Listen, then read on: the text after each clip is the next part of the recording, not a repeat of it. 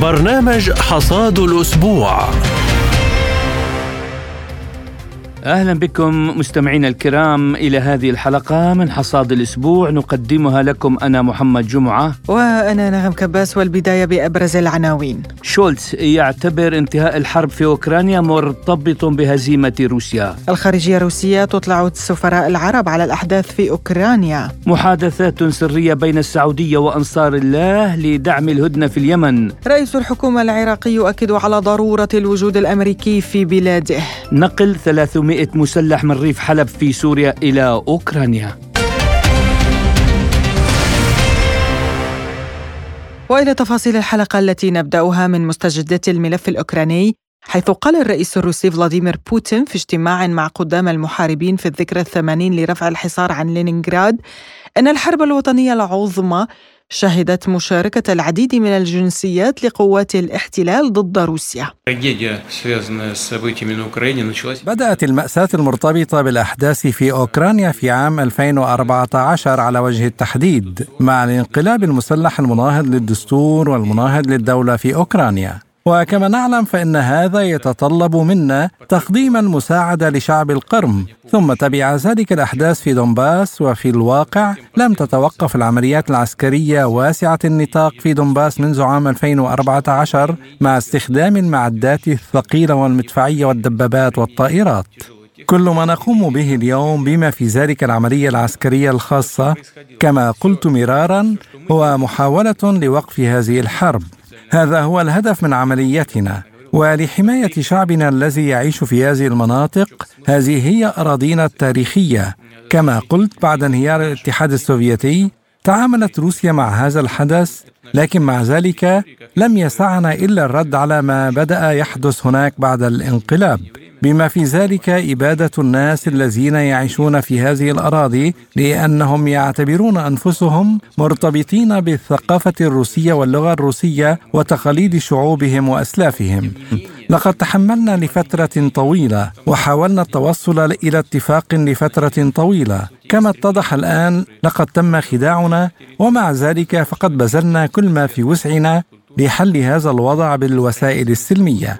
لقد أصبح من الواضح الآن أن هذا كان بحكم التعريف مستحيلا كان مجرد أن العدو كان يستعد لنقل الصراع إلى مرحلة حادة وساخنة ولم يبقى لنا أي شيء للمناورة. استمعنا إلى ما قاله الرئيس الروسي فلاديمير بوتين. من جانبه قال وزير الخارجية الروسي سيرجي لافروف إن الغرب أفسد مبادئ الأمم المتحدة ولم يكن هناك احترام لمبادئ عدم التدخل في الشؤون الداخلية للدول وإن أمريكا استخدمت قواتها في خارج أراضيها مئات المرات في انتهاك صارخ لميثاق الأمم المتحدة.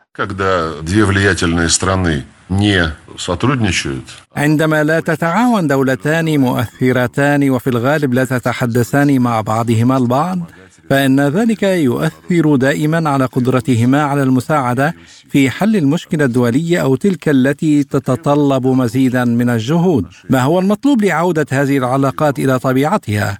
صرح ستولتنبرغ بالفعل أن علاقات روسيا مع الناتو والغرب لن تعود كما كانت في الماضي وقلنا إنه لن تكون هناك مواقف مرة أخرى عندما يكذب الغرب ويوقع الوثائق ويرفض تنفيذ الاتفاقيات كما كان الحال مع إعلان مجلس روسيا الناتو وإعلان اسطنبول لمنظمة الأمن والتعاون في أوروبا وإعلان أستانا لعام 2010 والاتفاقية بشأن تسوية النزاع في أوكرانيا الضامن الذي لعبته ألمانيا وفرنسا وبولندا.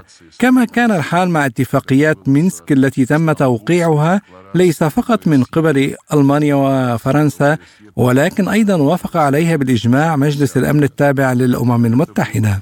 لم يكن الغرب حتى ينوي تنفيذ كل هذه الاتفاقات. لقد كذبوا علينا وجها لوجه ووقعوا نفس الالتزامات الاحتفالية على مستوى الرؤساء ورؤساء الوزراء. توقفنا عن تصديق أقوالهم على الرغم من أن التجار في روسيا يثقون ببعضهم البعض ويتصافحون. إذا لم تلتزم بالاتفاقيات فلن يتعامل معك أحد. لقد تعلمنا الكثير من هذا الوضع خاصة بعد أن وعدوا بعدم توسيع الناتو إلى الشرق. لقد توصلنا إلى استنتاجات لأنفسنا وبالطبع سوف نستخلص استنتاجات بشأن أولئك الذين دعموا بسرعة العدوان على الاتحاد الروسي. يوما ما ستنتهي هذه الحرب. سوف نظل ندافع عن حقيقتنا لكن كيف سيكون المستقبل القادم؟ ما زلت لا أستطيع التخيل أن كل شيء سيعتمد على الاستنتاجات التي تتوصل إليها أوروبا. تقول الدول الغربية إنها لن تتفاوض بدون أوكرانيا. كل هذا هراء. بعد كل شيء يقرر الغرب موقف أوكرانيا. وقد منعوا زيلينسكي من التوصل إلى اتفاق مع روسيا في مارس اذار من العام الماضي على الرغم من أن هذه الاتفاقية كانت جاهزة بالفعل. الغرب هو من يقرر وبدون أوكرانيا أن قرار تحديد مصير أوكرانيا لا يحدد بالوقت برأيهم. هناك حاجة إلى مزيد من الأسلحة لاستنفاد الاتحاد الروسي وموقفنا من هذا الأمر معروف. إن التحدث مع الغرب فقط عن أوكرانيا لا طائل من ورائه. كان هذا جزءا من المؤتمر الصحفي الذي عقده وزير الخارجية الروسي سيرجي لافروف. يمكنكم مستمعين الكرام متابعة كامل المؤتمر على الموقع الإلكتروني لسبوتنيك. وفي ردود الفعل الدولية على هذه التصريحات قال المستشار الألماني أولاف شولتز سنواصل دعم أوكرانيا طالما كان ذلك ضروريا. وفي رأيي لتنتهي هذه الحرب يجب ألا تنتصر روسيا. But in order for the war to end, Russia's aggression must fail. حتى تنتهي الحرب في أوكرانيا يجب أن تخسر روسيا لهذا السبب نقوم باستمرار بتزويد أوكرانيا بكميات كبيرة من الأسلحة بالتشاور الوثيق مع شركائنا وهذا يشمل أنظمة الدفاع الجوي مثل IRIS-T أو باتريوت والمدفعية والمركبات القتالية المدرعة للمشاة مما يمثل نقطة تحول عميقة في السياسة الخارجية والأمنية الألمانية. ألمانيا من بين قادة الدول من حيث تقديم الدعم لأوكرانيا وسنواصل تقديم المساعدة طالما كان ذلك ضروريا. وفي هذا الصدد نود تأكيد أن الأوكرانيين يمكنهم الاعتماد علينا لكننا نرغب في تجنب تصعيد ذلك إلى حرب بين روسيا وحلف شمال الأطلسي. استمعنا إلى المستشار الألماني أولاف شولتز. وردت المتحدثة باسم الخارجية الروسية ماريا زخارفا على تصريح شولتز قائلة منذ بدء العملية العسكرية الروسية الخاصة في أوكرانيا زودت الولايات المتحدة وألمانيا وحلفائهما القوات المسلحة الأوكرانية بمعدات عسكرية تبلغ قيمتها مليارات الدولارات. وموسكو أشارت مرارا إلى أن الغرب يسعى لإطالة أمد الصراع هناك. كما أكدت وزارة الدفاع الروسية أن المخازن الأوكرانية المليئة بالذخيرة الأجنبية والغربية ستصبح اهدافا مشروعة للقوات الجوية الروسية في هذه الدولة الجارة. بدورها صرحت وزيرة الدفاع الوطني في كندا أنيتا أناند بأن السلطات تعتزم إرسال 200 ناقله جند مدرعة تابعة لمجلس الشيوخ إلى القوات المسلحة الأوكرانية. كما أنها استدعت السفير الروسي في بلادها بسبب اتهام روسيا بضرب البنية التحتية المدنية والطاقة عمدا وبالتالي ارتكاب أعمال غير قانونية. وهو ما رد عليه السفير الروسي في كندا قائلا لفت الانتباه إلى حقيقة أنه على الرغم من الشهادات العديدة للصحفيين والمراقبين والخبراء حول انتهاك أوكرانيا لقوانين الحرب بشأن عدم نشر البنية التحتية العسكرية في المناطق السكنية المدنية فإن نظام زيلينسكي يواصل القيام بذلك.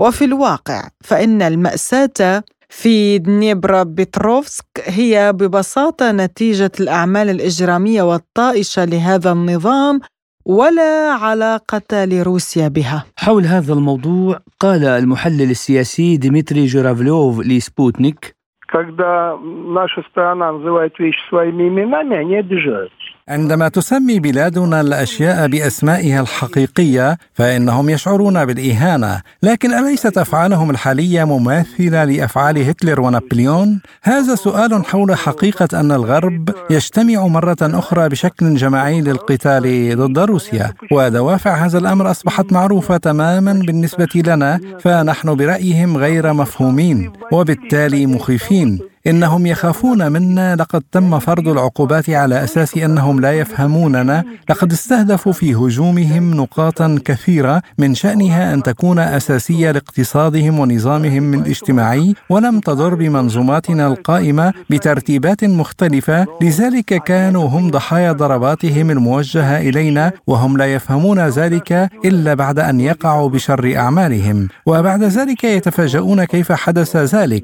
نعم إنها النزعات الشريرة التي تنمو لدى الطفل سيء التربية وهذا هو الغرب بحد ذاته. هذا ما قاله المحلل السياسي ديمتري جورافلوف وحول مستجدات الأزمة الأوكرانية قال مدير المركز العربي للدراسات السياسية والاستراتيجية الدكتور محمد صادق إسماعيل لسبوتنيك. في البداية بعد التحية طبعا أنا أعتقد أن بعد الحرب العالمية الثانية وطبعا آه، كان آه، كان طبعا في نفس الوقت كان تم تدشين منظمة الأمم المتحدة وأنا أعتقد أن هذه المنظمة أسست لإقرار السلم والأمن الدولي. لكن لو نلاحظ من الناحية الواقعية منذ عام 45 حتى تاريخه إن الأمم المتحدة لم تقم بدور فاعل في الأزمات الدولية أو حيال حتى الجرائم التي انتهكت في حق المدنيين وما إلى ذلك، بمعنى إن القانون الدولي الإنساني نعم تم تدشينه. وهناك أيضا محكمة العدل الدولية وهناك ميثاق الأمم المتحدة كلها مواثيق من الناحية النظرية جيدة جدا. لكن من الناحية التطبيقية أعتقد إن هذه القوانين لم تفعل بشكل جيد، الدليل على ذلك ننظر إلى كل الجرائم التي ارتكبت في حق المدنيين حول العالم، ننظر إلى مثلا على سبيل المثال القضية الفلسطينية، ننظر إلى الجرائم التي ارتكبت في حق المدنيين اللي حضرتك أشرت إليها، كلها أمور أنا أعتقد إنها لم تتم مساءلتها من قبل القانون الدولي الإنساني أو من قبل الأمم المتحدة، اذا ما يحدث في آه، ما قبل 45 أعتقد إنه يتكرر لكن بسيناريوهات مختلفة. بمعنى إن طبعا ما قبل 45 لم تكن هناك آه، منظمة أممية كانت هناك عصبة الأمم لكن أنا أعتقد إن بعد الأمم المتحدة لم يتغير الوضع كثيرا. أصبح لدينا منظمات إقليمية ومنظمات دولية وقوانين دولية تتحدث عن انتهاكات حقوق الإنسان وما إلى ذلك لكن من الناحية التطبيقية أتخيل إن كل شيء ما زال على وضعه. لأن طبعا المشكلة هنا إن من يقود هذه المنظمات هي مصالح الدول الكبرى وهي مصالح مختلفة. طبعا البرجماتية البحتة هي التي تتحكم في النهاية في آه، قبول أو رفض ما يطلق عليه المشروعات الخاصة بالجانب الإنساني. لكن أنا أعتقد إن في المجمل أتخيل إن النظام الدولي ما زال يسير على عهده كما يقال فيما يتعلق بالمصالح البرجماتية فيما يتعلق بعدم الاكتراث كثيرا بمسائل خاصة بحقوق الإنسان بقدر ما هي مسائل خاصة ببرجماتية الدول ومصالحها سواء ما يتعلق منها بمصالح آه، داخل الدولة نفسها أو مصالح تجمع تجمع مجموعة من الدول وأنا أتخيل إن كل هذه الأمور صب في النهاية فيما يتعلق بمسائل خاصة بعدم فعالية القانون الدولي الإنساني أو عدم فعالية حتى حصول المدنيين على حقوقهم سواء من الناحية المدنية أو من الناحية الإنسانية. نعم. وحول مصلحة الدول العربية من التقارب مع روسيا أضاف إسماعيل حضرتك أحسنت السؤال فيما يتعلق بهذا الطرح كان الاتكاء في قبل على سبيل المثال 20 عام كان الاتكاء على السياسة الخارجية الأمريكية وعلى الولايات المتحدة الأمريكية باعتبارها حليف استراتيجي أوحد للمنطقة العربية. لم يكن ينظر العرب خارج آه، آه، نطاق الأسوار كما يقال، لكن حدثت متغيرات عدة، رأينا الولايات المتحدة الأمريكية بعد أحداث 11 سبتمبر تتحدث عن مسألة صراع الحضارات وصبو الهنجت وما إلى ذلك. وبالتالي بدأ العرب يشعروا بإن الاتكاء على عصا واحدة في سياستهم الخارجية ربما يؤدي إلى مشاكل جمة فيما يتعلق بهذا الطرف. إضافة طبعا إلى أن هناك متغيرات أخرى فيما يتعلق برأينا تقارب صيني على سبيل المثال رأينا آه، قمة صينية توقت في الرياض رأينا الولايات المتحدة الأمريكية تبحث عن العودة للمنطقة العربية من خلال لقاء جدة في يوليو الماضي من خلال طبعا تصريحات جو بايدن مسألة الفراغ الاستراتيجي في الشرق الأوسط لكن عاد خالي الوفاض كما يقال. رأينا اتجاهات أيضا تفاعلية مع روسيا. بدأتها مصر يمكن في عام 2014 من خلال تدشين علاقات وصفقات تجارية وعسكرية مع الجانب الروسي ثم الولايات المت... ثم عفوا المملكة العربية السعودية دشنت أيضا اتفاقات مع الجانب الروسي. رأينا هناك زيارات متبادلة. اذا أنا أعتقد إن الانفتاح على السياسة الخارجية الروسية من قبل العالم العربي يكسبنا أكثر من ميزة. اولا ان أن يكون هناك عدم الاتكاء كما أشرت على حليف استراتيجي واحد ثم بعد ذلك قضيتنا الأم القضية الفلسطينية عندما يكون هناك حليف واحد هو الولايات المتحدة الأمريكية الذي دوما وابدا يساند إسرائيل سواء في فيما يتعلق بانتهاكاتها المباشرة أو غير المباشرة للشعب الفلسطيني اتخيل إن هذا أضاع منا وقت وجهد كثير جدا في قضيتنا الفلسطينية. الجانب الروسي عرض خدماته في هذا الطرح من خلال أن يكون هو أيضا حليف استراتيجي وان يكون أحد الوسطاء في القضية الفلسطينية. لماذا لا يتم التعويل على مثل هذا الطرح؟ لماذا لا يتم أيضا التعويل على الطرح الصيني فيما يتعلق بهذا الجانب؟ اتخيل إن لو تم التعويل على هذه الجوانب سيكون هناك ند قوي للولايات المتحدة الأمريكية فيما يتعلق بالقضية الفلسطينية فيما يتعلق أيضا بقضايانا الأخرى. لأن كما أشرت الولايات المتحدة الأمريكية ظنت إن العالم العربي لا لا يستطيع الاستغناء عنها. وأتخيل إن هذا هو الذي دفع جو بايدن كما أشرت أن يدشن مقال في نيويورك تايمز يتحدث عن مسألة الفراغ الاستراتيجي في منطقة الشرق الأوسط وأن الولايات المتحدة الأمريكية تريد ملء هذا الفراغ. طبعا عندما جاء إلى المنطقة العربية شعر إن المنطقة العربية تغيرت تماما. شعر إن السياسات العربية أصبحت مختلفة وأنها أيضا اصطبغت بالطابع البرجماتي البحت. العالم العربي حاليا يريد البحث عن مصالحه. اذا المصالح مع الجميع سواء مع الولايات المتحدة الأمريكية أيضا مع روسيا ومع الصين ومع دول الاتحاد الأوروبي. الكل يبحث حاليا عن مصلحته.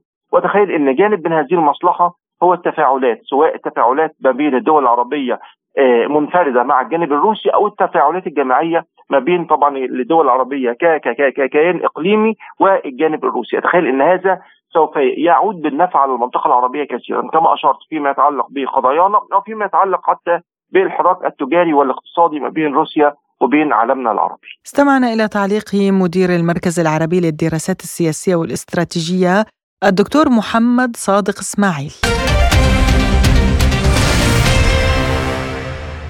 ملفنا التالي عن اللقاء الذي دعت إليه وزارة الخارجية الروسية مع وفد مجلس السفراء العرب المعتمدين لدى روسيا الاتحادية في قصر الضيافة التابع للوزارة مع وزير الخارجية سيرجي لافروف. وبحضور مبعوث الرئيس الروسي إلى الشرق الأوسط وأفريقيا نائب وزير الخارجية ميخائيل بغدانوف وعدد من مسؤولي إدارة الشرق الأوسط وشمال أفريقيا في الخارجية. ومن جانب آخر وفي خطوة روسية نادرة تلقى سفير لبنان شوقي بونصار شهادة تقدير صادرة عن إدارة الرئيس الروسي فلاديمير بوتين وموقعة من نائب رئيس الحكومة الروسية ألكسندر نوفاك علما بأن السفير بونصار هو أول سفير عربي يحصل على هكذا تقدير.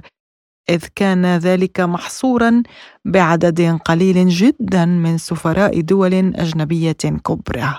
للحديث عن هذا الموضوع ينضم إلينا عبر الهاتف سعادة سفير الجمهورية العربية اللبنانية لدى روسيا الاتحادية شوقي بنصار أهلا بك سعادة السفير ضيفا عزيزا على برنامج حصاد الأسبوع سعادة السفير يعني التقيتم بوزير الخارجية الروسي سيرجي لافروف وهو بدوره أطلعكم على ما يدور من أحداث هامة جدا في أوكرانيا برأيك سعادة السفير ما أهم ما جاء في هذا اللقاء؟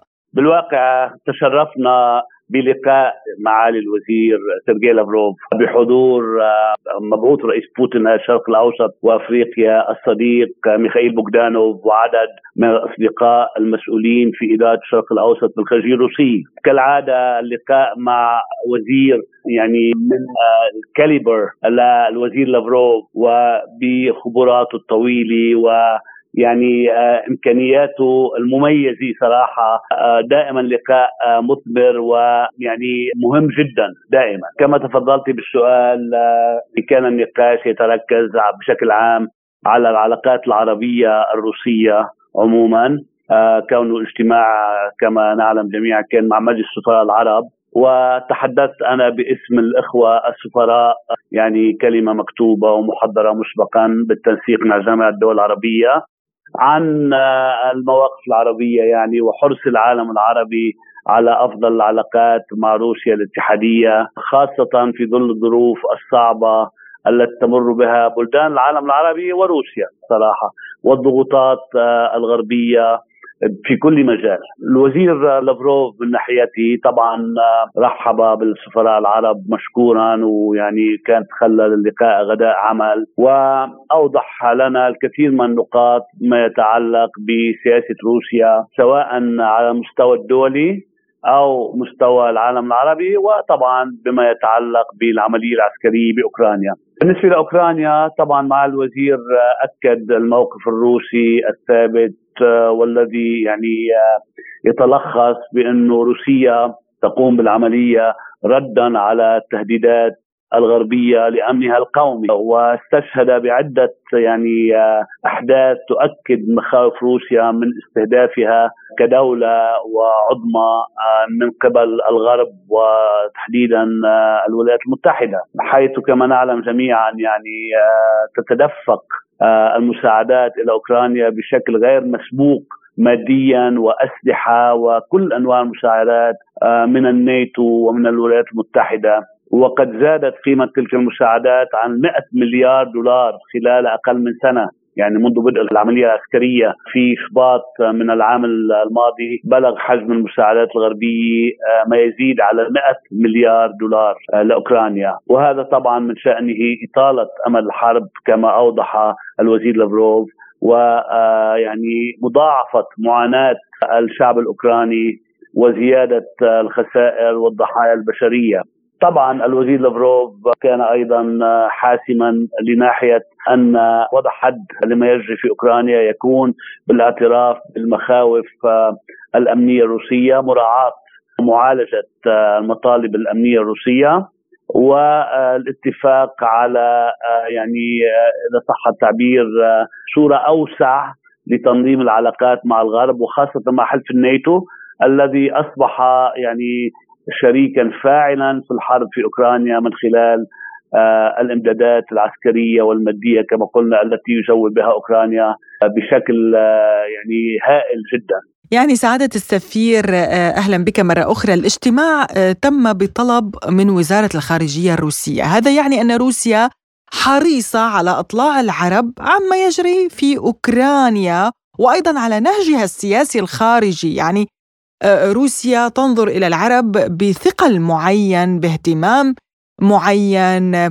كيف ترى اليوم اهتمام روسيا بالتعاون مع الدول العربية؟ تماما تماما تماما. بالتأكيد روسيا تعلق أهمية كبيرة على علاقاتها مع العالم العربي. والعكس صحيح يعني كما نعلم جميعا تطورت العلاقات بين دول العالم العربي في السنوات العشر الأخيرة تحديدا بشكل لا مثيل له.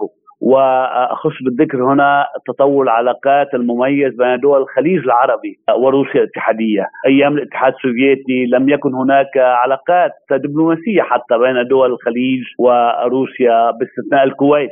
حسب ما أعتقد، وكان من اللافت التطور السريع للعلاقات بين دول الخليج والزيارات المتبادله لقادة تلك الدول إلى روسيا الاتحادية والعكس صحيح زيارات سيادة الرئيس فلاديمير بوتين ومعالي الوزير لافروف والسيد بغدان وغيرهم من المسؤولين الروس إلى الدول العربية ودول الخليج تحديدا. هي زيارات دوريه لم تنقطع يعني والتنسيق قائم بأفضل مستوياته. وروسيا تبني على حسن العلاقات مع العالم العربي خاصة في الوقت الذي تتعرض فيه لضغوطات غربية وحصار غربي كبير وعقوبات اقتصادية نعتبرها العالم العربي. وهو ما نقلت للوزير لافروف نقلت موقف العالم العربي إنه نعتبرها في العالم العربي غير شرعية كونها لم تصدر عن الأمم المتحدة عن يعني المنظمة الأممية المخولة بفرض عقوبات يعني في حال مخالفة إحدى الدول آه، للمواثيق آه، الأممية. أكدت للوزير لافروف باسم طبعا كافة الإخوة الزملاء العرب أن الدول العربية لم تلتزم بالعقوبات الغربية المفروضة عليها وبذلك لا تزال الاستثمارات العربية وتحديدا الخليجية كبيرة جدا في روسيا. تبادل تجاري آه، بين البلدان العربية وروسيا ازداد اضعافا مضاعفة خلال الفترة الأخيرة ويعني آه، سكة آه، العلاقات بين الجانبين تسير بوجهتها الصحيحة. هذا ما يعني الأصدقاء الروس يعرفونه تماما وهم مرتاحون كما أعتقد وكما سمعنا من الوزير لافروف هم مرتاحون للموقف العربي المتفهم للموقف الروسي وعدم انسياق الجانب العربي الدول العربية بالالتزام بالعقوبات الغربية غير المحقة على روسيا سعادة السفير يعني بالانتقال إلى العلاقات الروسية اللبنانية أين هي الآن هذه العلاقات؟ وهل من استثمارات جديدة في لبنان متوقعة من قبل روسيا ولا سيما في قطاع النفط والغاز؟ بالواقع العلاقات الروسية اللبنانية علاقات صداقة تاريخية كما سبق وذكرت في أكثر من مناسبة تعود إلى العام 1944 شهر آب 1944 تاريخ إنشاء العلاقات الدبلوماسية ولكنها بالواقع على الصعيد الشعبي هي أقدم بكثير. تعود إلى القرن الثامن عشر عندما كانت البعثات من الإمبراطورية الروسية تذهب إلى الأماكن المقدسة في القدس وتمر عبر لبنان وبنوا العديد من المستشفيات والمدارس. والكنائس في عديد من المناطق اللبنانية وقسم منها لا يزال آه، يعني قائما حتى اليوم. آه، ومنذ انهيار الاتحاد السوفيتي في العام 1991 كان لبنان من أوائل الدول التي اعترفت بروسيا الاتحادية كوريث آه، للاتحاد السوفيتي. ومنذ ذلك التاريخ تتقدم العلاقات بشكل ممتاز زيارات متبادلة ويعني العلاقات تجارية واقتصادية وثقافية مميزة. بالنسبة لقطاع النفط روسيا آه، طبعا آه، يعني كان هناك اتفاق مع الحكومة اللبنانية منذ عدة سنوات على إعادة تأهيل شركة روس نفط لمصفاة طرابلس مصفاة النفط في طرابلس. وطبعا الاتفاق لا يزال قائما. وهناك ربما بعض العوائق بسبب الأوضاع السياسية في لبنان يعني والأحداث ربما في سوريا. طبعا يتم العمل على تدليل كل العقبات التي تواجه تنفيذ هذا المشروع. وأعيد أكرر أهم العقبات عقبات مادية للجانب اللبناني الذي يعاني بفعل أزمة اقتصاديه قاسيه وانهيار العملة الوطنية آه، يحاول آه، يعني المسؤولون في لبنان قدر الإمكان آه، يعني تجاوز هذه المحنة ونأمل وقت قريب وهو ما ذكرته أيضا مع الوزير لافروف من خلال انتخاب رئيس جمهورية جديد وحكومة جديدة تعيد تفعيل العلاقات مع روسيا الاتحادية الصديقه. هناك الكثير من مجالات التعاون يعني مجالات كبيرة جدا ومهمة جدا للتعاون بين البلدين آه، أعتقد إنه مع وصول رئيس جديد للجمهورية ونأمل في أقرب وقت وحكومة جديدة آه، أن يتم إعادة إطلاق آه، عجلة العلاقات على أكثر من صعيد وفي أكثر من مجال. شكرا جزيلا لك سعادة السفير اللبناني لدى روسيا الاتحادية شوقي بونصار وطبعا نبارك لك باسمي وباسم كل العاملين في سبوتنيك بشهادة التكريم الموقعة من إدارة الرئيس الروسي فلاديمير بوتين وإن شاء الله هيك إلى مزيد من النجاح سعادة السفير. شكرا جزيلا شكرا جزيلا.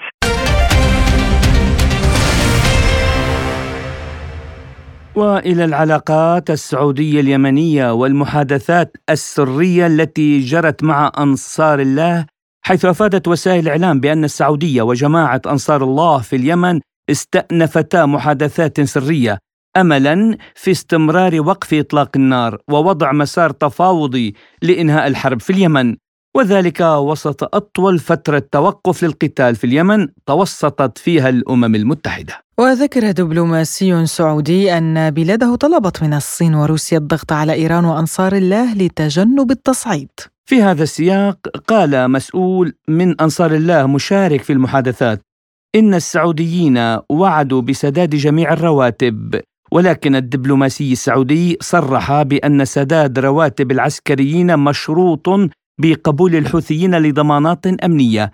من بينها إنشاء منطقة عازلة مع المناطق الخاضعة لجماعة الحوثي على طول الحدود اليمنية السعودية ورفع حصارهم عن تعز والالتزام بالانضمام إلى المحادثات الرسمية مع الأطراف اليمنية الأخرى.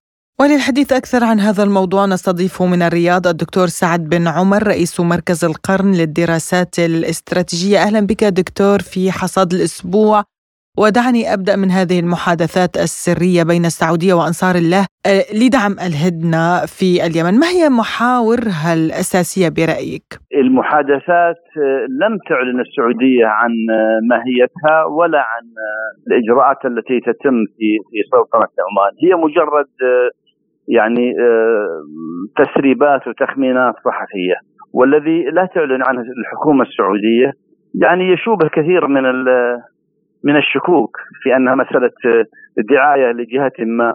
لذلك آه، أتوقع آه، إذا كان هناك محادثات بين المملكة وفد الحوثيين في بالوساطة العمانية فهي يعني بالتأكيد تبحث الشؤون الإنسانية في في هذا الظرف بالذات. وسبق أن أرسلت السعودية وفد من منظمات الحقوقية السعودية لصنعاء للتباحث في هذا المجال. ولابد أن نستوعب أن المملكة لا ترفض الحوثيين ك يعني عامل من عوامل السياسة اليمنية أو المكونات اليمنية. لكنها يعني في نفس الحال نفسه ترفض أن يهمش بقية المكونات السياسية واعتماد على الميليشيا في إسقاط الدولة. دكتور سعد برأيك هل سيقبلون في أنصار الله بالشروط التي وضعتها السعودية وهي مقبولة كإنشاء مناطق عازلة على الحدود اليمنية السعودية ورفع الحصار عن تعز والانضمام إلى المحادثات مع الأطراف اليمنية الأخرى طبعا مقابل سداد جميع الرواتب. لا الحوثيين يعني لديهم آه، السيطرة الكاملة على صنعاء العاصمة وهم يعتقدون أنهم بسيطرتهم على العاصمة. يجب أن يكونون المتحكمين الرئيسيين في الدولة اليمنية وهذا منافي للمكونات السياسية وللشعب اليمني الآخر. لذلك آه، يعني هم آه، معتمدين على سيطرتهم على صنعاء في مسألة طرح كل طلباتهم دون أن يكون لديهم أي تنازل لبقية المكونات السياسية مثل المشاركة في الحكم وضمان واحترام آه، حدود الدول الأخرى وضمان عدم التدخل في شؤونها، لذلك أعتقد أن آه، يعني لا إذا لم يكن هناك تغير جيوسياسي في المنطقة لن يؤثر على الحوثيين لأنهم هم يتأثرون بما يحصل حولهم، الدعم الرئيسي من؟ والأنصار لهم من؟ وهم مجرد مكون بسيط ميليشاوي يتحكم في العاصمة صنعاء ولا يستطيع أن يدفع رواتب الموظفين لديه أو بقية موظفي الدولة في آه، مختلف الأقاليم. لذلك هم يطالبون بأن يكونون هرم الدولة وأن يكونون المتحكمين في كل شيء دون أن يشاركوا المكونات السياسية معهم أو ينفذوا أدنى طلب آه، لجيرانهم مثل المنطقة العازلة. المنطقة العازلة هذه موجودة في كل دول العالم في أغلبية دول العالم. يكون هناك منطقة عازلة لمنع التسلل ولمنع الاشتباك ولمنع كثير الدول أولها أمريكا وتركيا وفي كثير من الاماكن تستخدم هذه المنطقة العازلة كحماية آه، يعني حدودية للبلد الذي يأتي منه التهديد على البلد الآخر، لذلك أعتقد ما لم يكن هناك تغير جيوش سياسي في المنطقة لن تتغير مطالب الحوثيين واشتراطات. بناء على هذه المحادثات والتواصل السري أو غير السري برأيكم هل أصبح آه، من الواضح أن جميع الأطراف موافقة الآن على البحث عن حل للأزمة اليمنية بعد كل هذه السنوات؟ الشرعية آه، طلبت أكثر من مرة التفاوض معهم، لكن للأسف كل البنود وكل الاتفاقيات وكل المعاهدات والاتفاقيات التي يوقعونها مع الحوثيين من ضمنها وقف إطلاق النار، من ضمنها تبادل الأسرى، من ضمنهم المسائل الإنسانية لا يلتزمون بها الحوثيين. ف يعني الأمر كله يعود للحوثيين لأنهم آه، الشرعية دولة وتخشى من آه، انتقادات الدول والضغوط السياسية الأخرى عليها. إنما الميليشيا ليس لها آه، كيان دولي ولا اعتراف دولي فلا يهمها أن يأتيها ضغوط من هنا أو هناك. لذلك كل الاتفاقيات التي قام الحوثيين بعقدها مع الشرعية أو مع المملكة العربية السعودية والتحالف لا يلتزمون بها. سؤالنا الأخير دكتور برأيك هل يمكن التوصل إلى وقف رسمي لإطلاق النار؟ أكرر ما قلته سابقا وأنت آه، تفهم كما قيل الحر تقع له بعطبة، ما لم يكون هناك تغير جيوسياسي في المنطقة آه، لا أعتقد أن الحوثيين ممكن أن يخضعوا للسلام. الدكتور سعد بن عمر رئيس مركز القرن للدراسات كنت معنا عبر الهاتف من الرياض، شكرا لك. وحول ما قيل عن المحادثات السرية بين السعودية وأنصار الله لدعم الهدنة في اليمن نستضيف أيضا من اليمن الدكتور نصر الدين عامر المسؤول بالهيئة الإعلامية لأنصار الله. أهلا بك دكتور. بداية يعني هل يمكن الحديث عن تقدم في حل المشكلة اليمنية برأيك؟ بسم الله الرحمن الرحيم. بكل تأكيد يعني أن يعني المرحلة الثانية من زيارة الوفد العماني إلى صنعاء.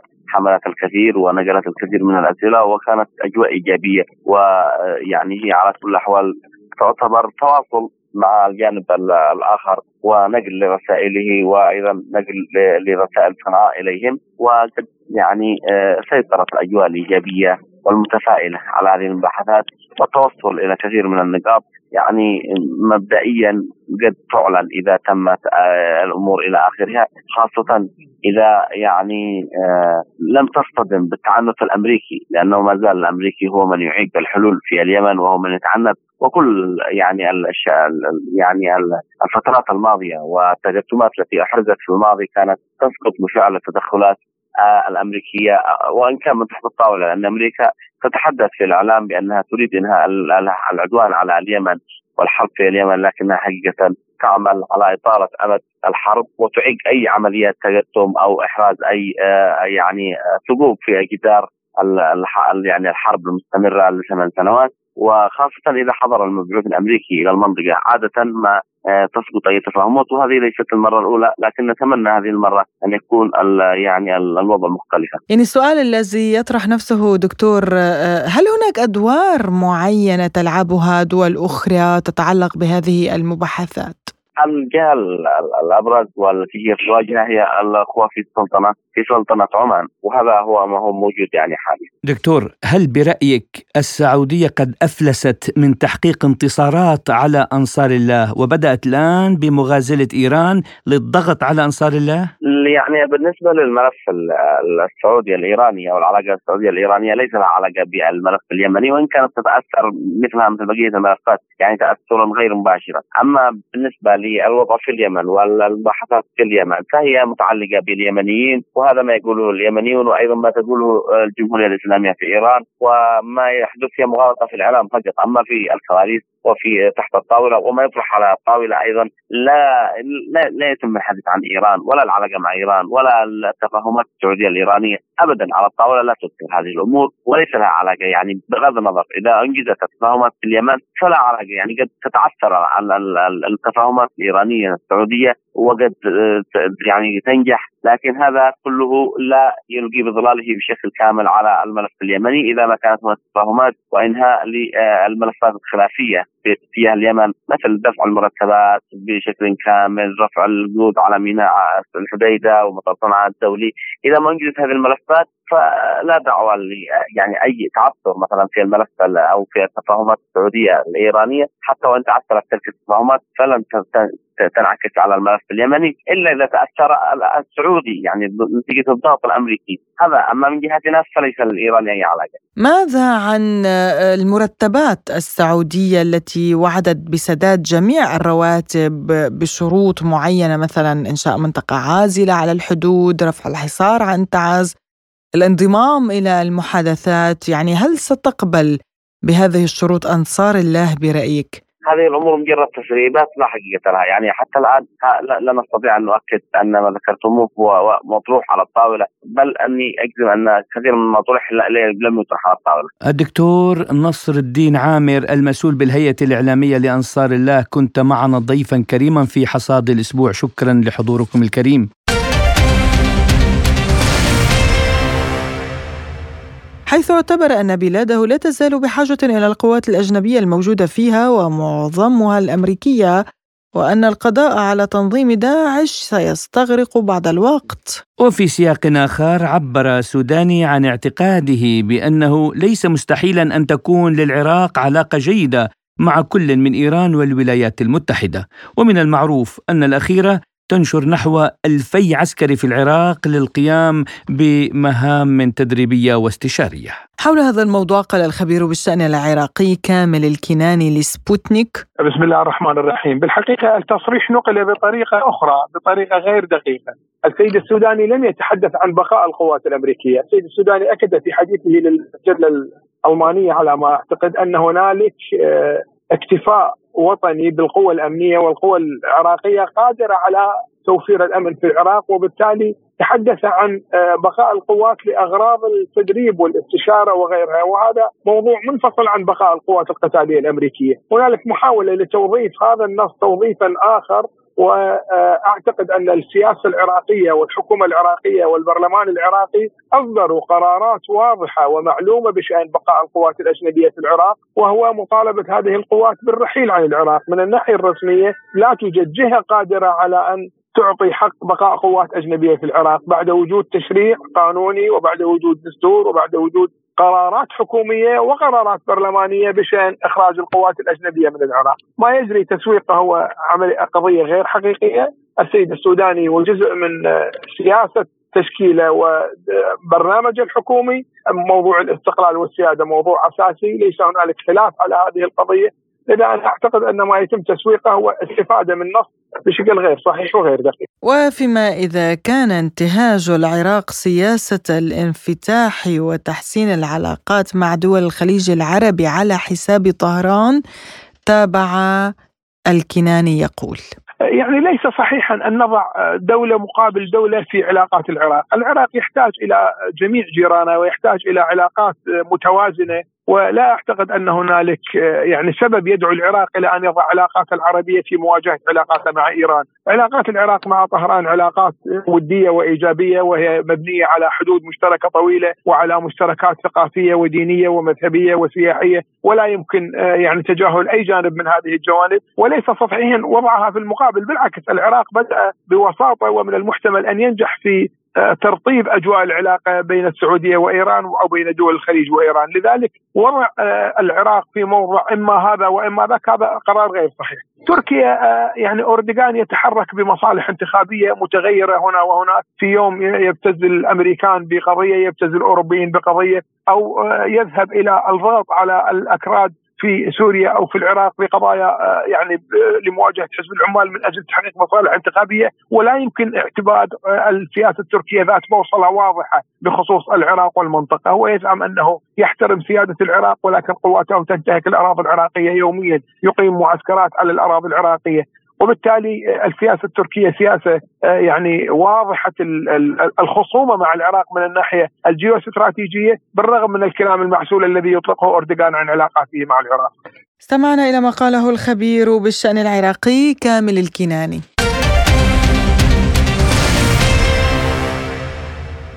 وإلى سوريا للحديث عن انتقال 300 مقاتل من ريف حلب إلى أوكرانيا حيث كشفت مصادر محلية في ريف حلب الشمالي لسبوتنيك عن أن مكاتب تجنيد تابعة لقياديين فيما يعرف باسم الجيش الوطني الذي شكلته تركيا شمال سوريا نجحت في استقطاب نحو 300 مسلح من عدة مناطق في أرياف حلب الشمالية والغربية وأن هذه المكاتب تتوزع على مدن عفرين جرابلس وإعزاز وتنشط بشكل حثيث في تطويع المسلحين السابقين ممن تتراوح أعمارهم بين 17 و 45 عاما على وجه الخصوص إلا أنها تتواصل أيضا مع المدنيين الشباب العاطلين عن العمل وذلك للسفر كمرتزقة إلى أوكرانيا والقتال ضد الوحدات الروسية هناك. وأوضحت المصادر أن البدل المادي الذي سيحصل عليه المسلح لقاء قتال الجيش الروسي في أوكرانيا يشمل راتبا شهريا مقطوعا يصل إلى 2500 دولار شهريا إذا كان يتمتع بخبرة قتالية مشهودة ويقل عن ذلك بشكل كيفي لكل مرتزق يتم تجنيده بخبرة أقل. حول هذا الموضوع قال الخبير السياسي والعسكري الدكتور كمال جفا لسبوتنيك. لا أعتقد ذلك. ما تم الحديث عنه خلال الأشهر الماضية منذ بعد عدة أشهر من بداية العمليات العسكرية. أنا أقصد من النصف الثاني من عام 2022 حول بدء انتقال مقاتلين سوريين قاتلوا ينضمون إلى الجماعات المسلحة ضمن الفصائل التي تقودها تركيا. أعتقد انكفأت تركيا ولم تتحمل هذه المسؤولية وأنا تابعت هذا الملف وحاولت البحث والاستقصاء. تبين لي أن هناك بعض المجموعات أو المهربين أو يعملون بشكل خاص. ربما هناك تسهيلات ربما من القيادة التركية حول عملية انتقالهم إلى آه، أوكرانيا لقتال الجيش الروسي، لكن تبين فيما بعد أن هذه المعلومات غير مدعومة بمواقف رسمية أو جهد خاص من الاستخبارات التركية ولم تتبناها حتى قيادات أو المكاتب الرسمية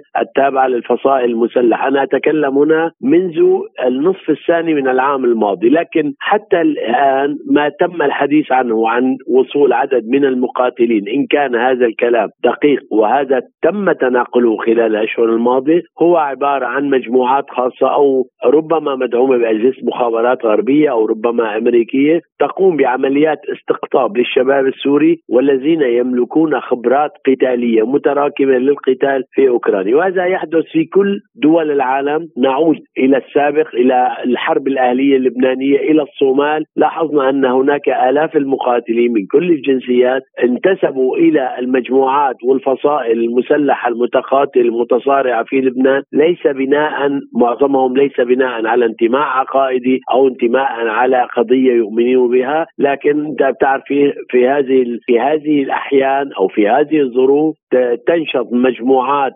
التهريب أو الرقيق الأبيض وهي والتي تقوم بتهريب البشر وتهريب المقاتلين بالعمل كما حدث آه، آه، عندما قامت تركيا باستقطاب المقاتلين التركستان والشيشان ونقلهم عبر من من أفغانستان ومن تركستان الشرقية إلى سوريا حيث بلغ عدد هؤلاء فقط من الشيشان والتركستان أكثر من خمسين ألف مقاتل خلال السنوات الأخيرة. نعم المعلومات المتقاطعة تقول أن عدد من السوريين انتقلوا إلى أوكرانيا لكن ليس كما ليبيا. ليبيا قامت تركيا بنقل مجموعات بشكل منظم عبر شركات الطيران آه، آه، التركية آه، عبر المطارات التركية إلى مطارات الليبية. وتبنت الدولة التركية هذا الملف بشكل رسمي وقامت آه، بوضعهم على أماكن آبار النفط وبعض المنشآت العسكرية التي تتواجد فيها القوات التركية أو التحالف المؤيد لتركيا. واعتبر الدكتور جفا أن تركيا بريئة من هذه الأفعال.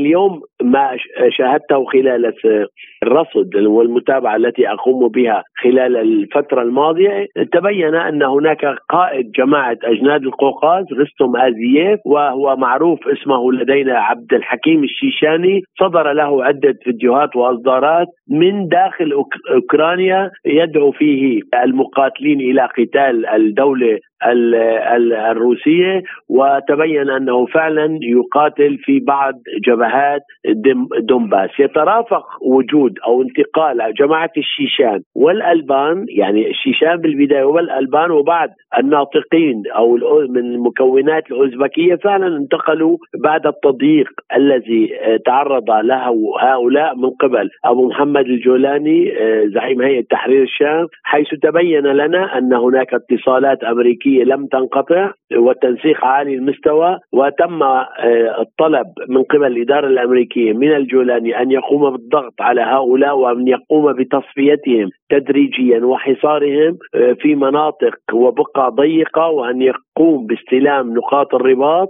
والدفع بهم باتجاه أوكرانيا ربما نقلوا عبر الحوامات ربما عبر المطارات التركية. حقيقة الأمر حتى الآن لم يتضح كيفية إدارتهم أو نقلهم وربما عبر مناطق قسد آه، كما تواترت بعض المعلومات عبر الحوامات.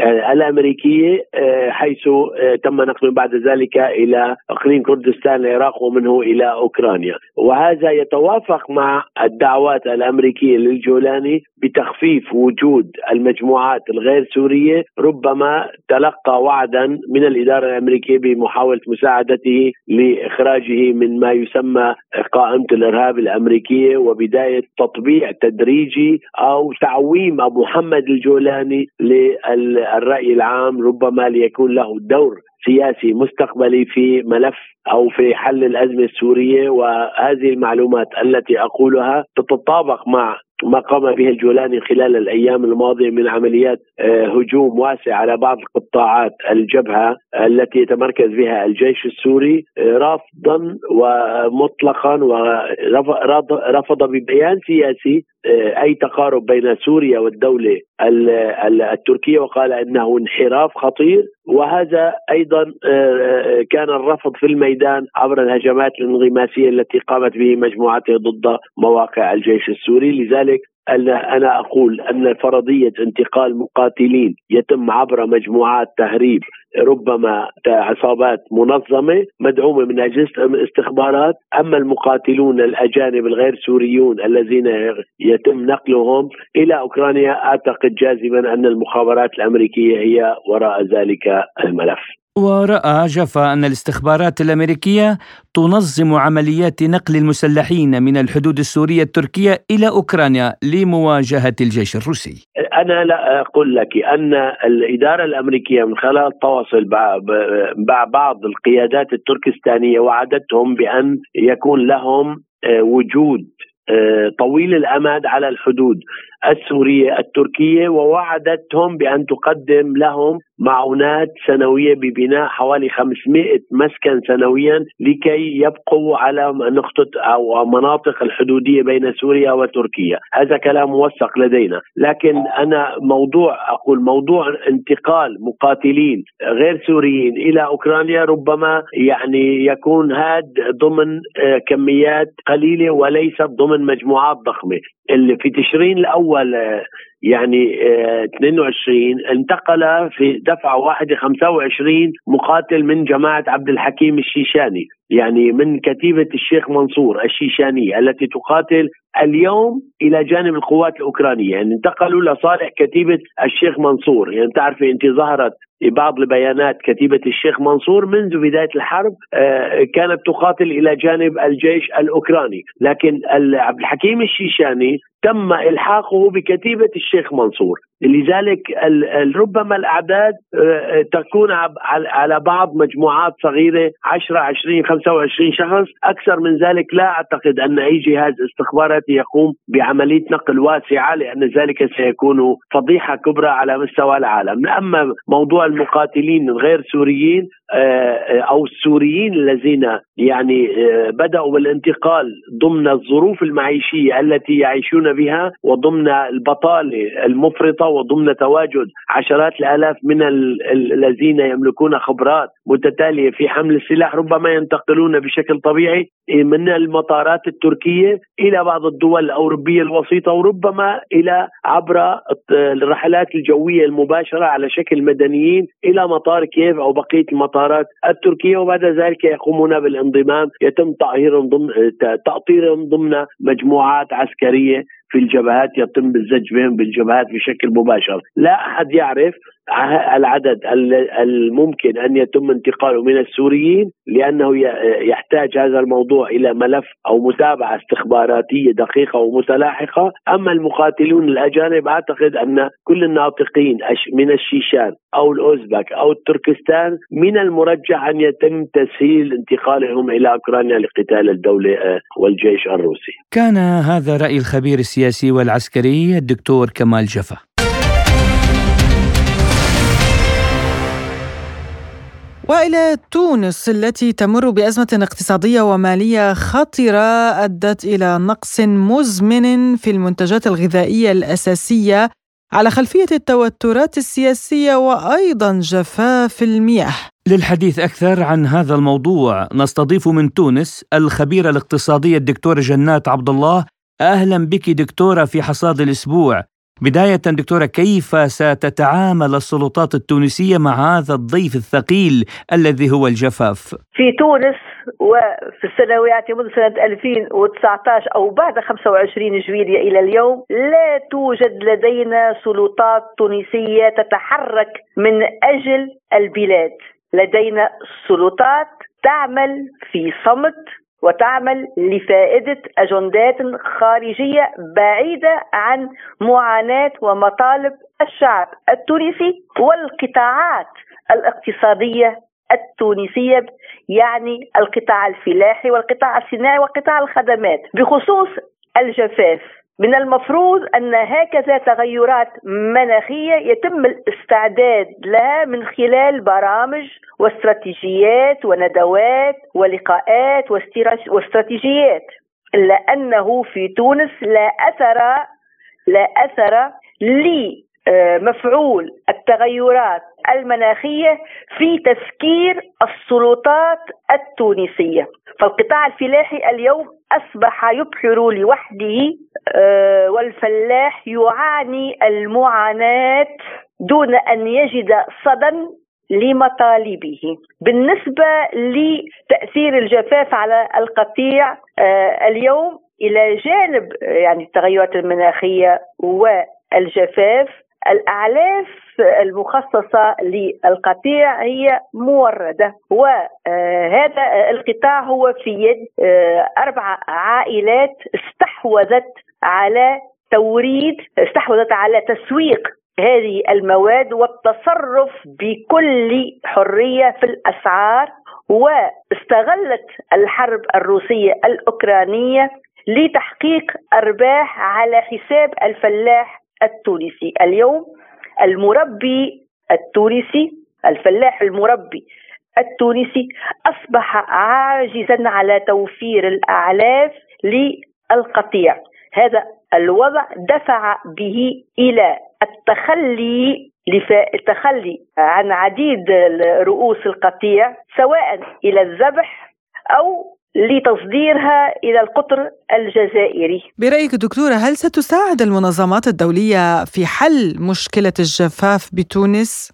الدولة التي تعتمد على المساعدات الدولية لا خير فيها والمساعدات الدولية تبقى ظرفية ومرتبطة بعوامل جيوستراتيجية ليست بريئة لماذا أقول هذا؟ أقول هذا لأن تونس لديها من القدرات والإمكانيات التي تجنبها هكذا أزمات.